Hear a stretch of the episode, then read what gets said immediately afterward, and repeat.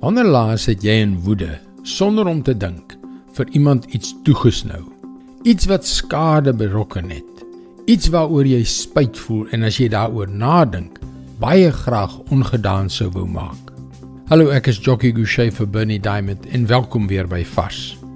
Ons het elkeen ons eie kruitvat wat 'n ontploffing kan veroorsaak, né? Iets wat iemand sê of doen, vuur ons aan. En ons wil hulle instinktief presies vertel wat ons dink. Oor die jare was hierdie een ding die plek waar ek die meeste skade aangerig het. My grootste bron van spanning wat selfs verhoudings beskadig het. Die probleem is dat ons dit nie kan terugneem nie. As dit eers gesê is, kan dit nie ongesê raak nie. En tog is hierdie 'n plek waar ons almal herhaaldelik geneig is om te struikel. Nou kom ons kyk wat is die antwoord. In Jakobus 1 vers 19 en 20 staan: My liewe broers, dit moet julle in gedagte hou. Elke mens moet maar te gewillig wees om te luister. Nie te gou praat nie en nie te gou kwaad word nie. 'n Mens wat kwaad word, doen nie wat voor God reg is nie.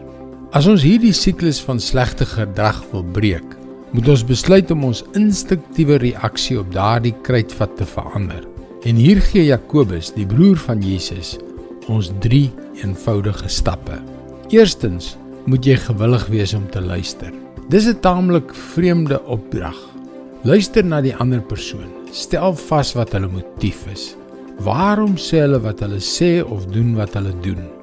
Tweedens, moenie te gou praat nie. Praat eers wanneer jy hulle perspektief begryp, hulle redenasie snap, hulle motiewe mooi deurdink het. En uiteindelik ontlont eers jou eie kruitvat en moet dan nie te gou kwaad word nie.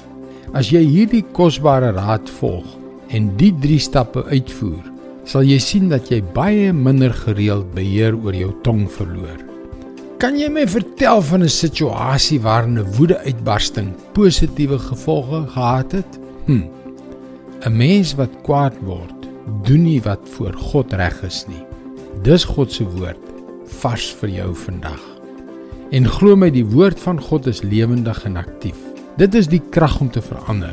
Dit is die krag om jou te laat groei en verantwoordelik te wees in jou verhoudinge.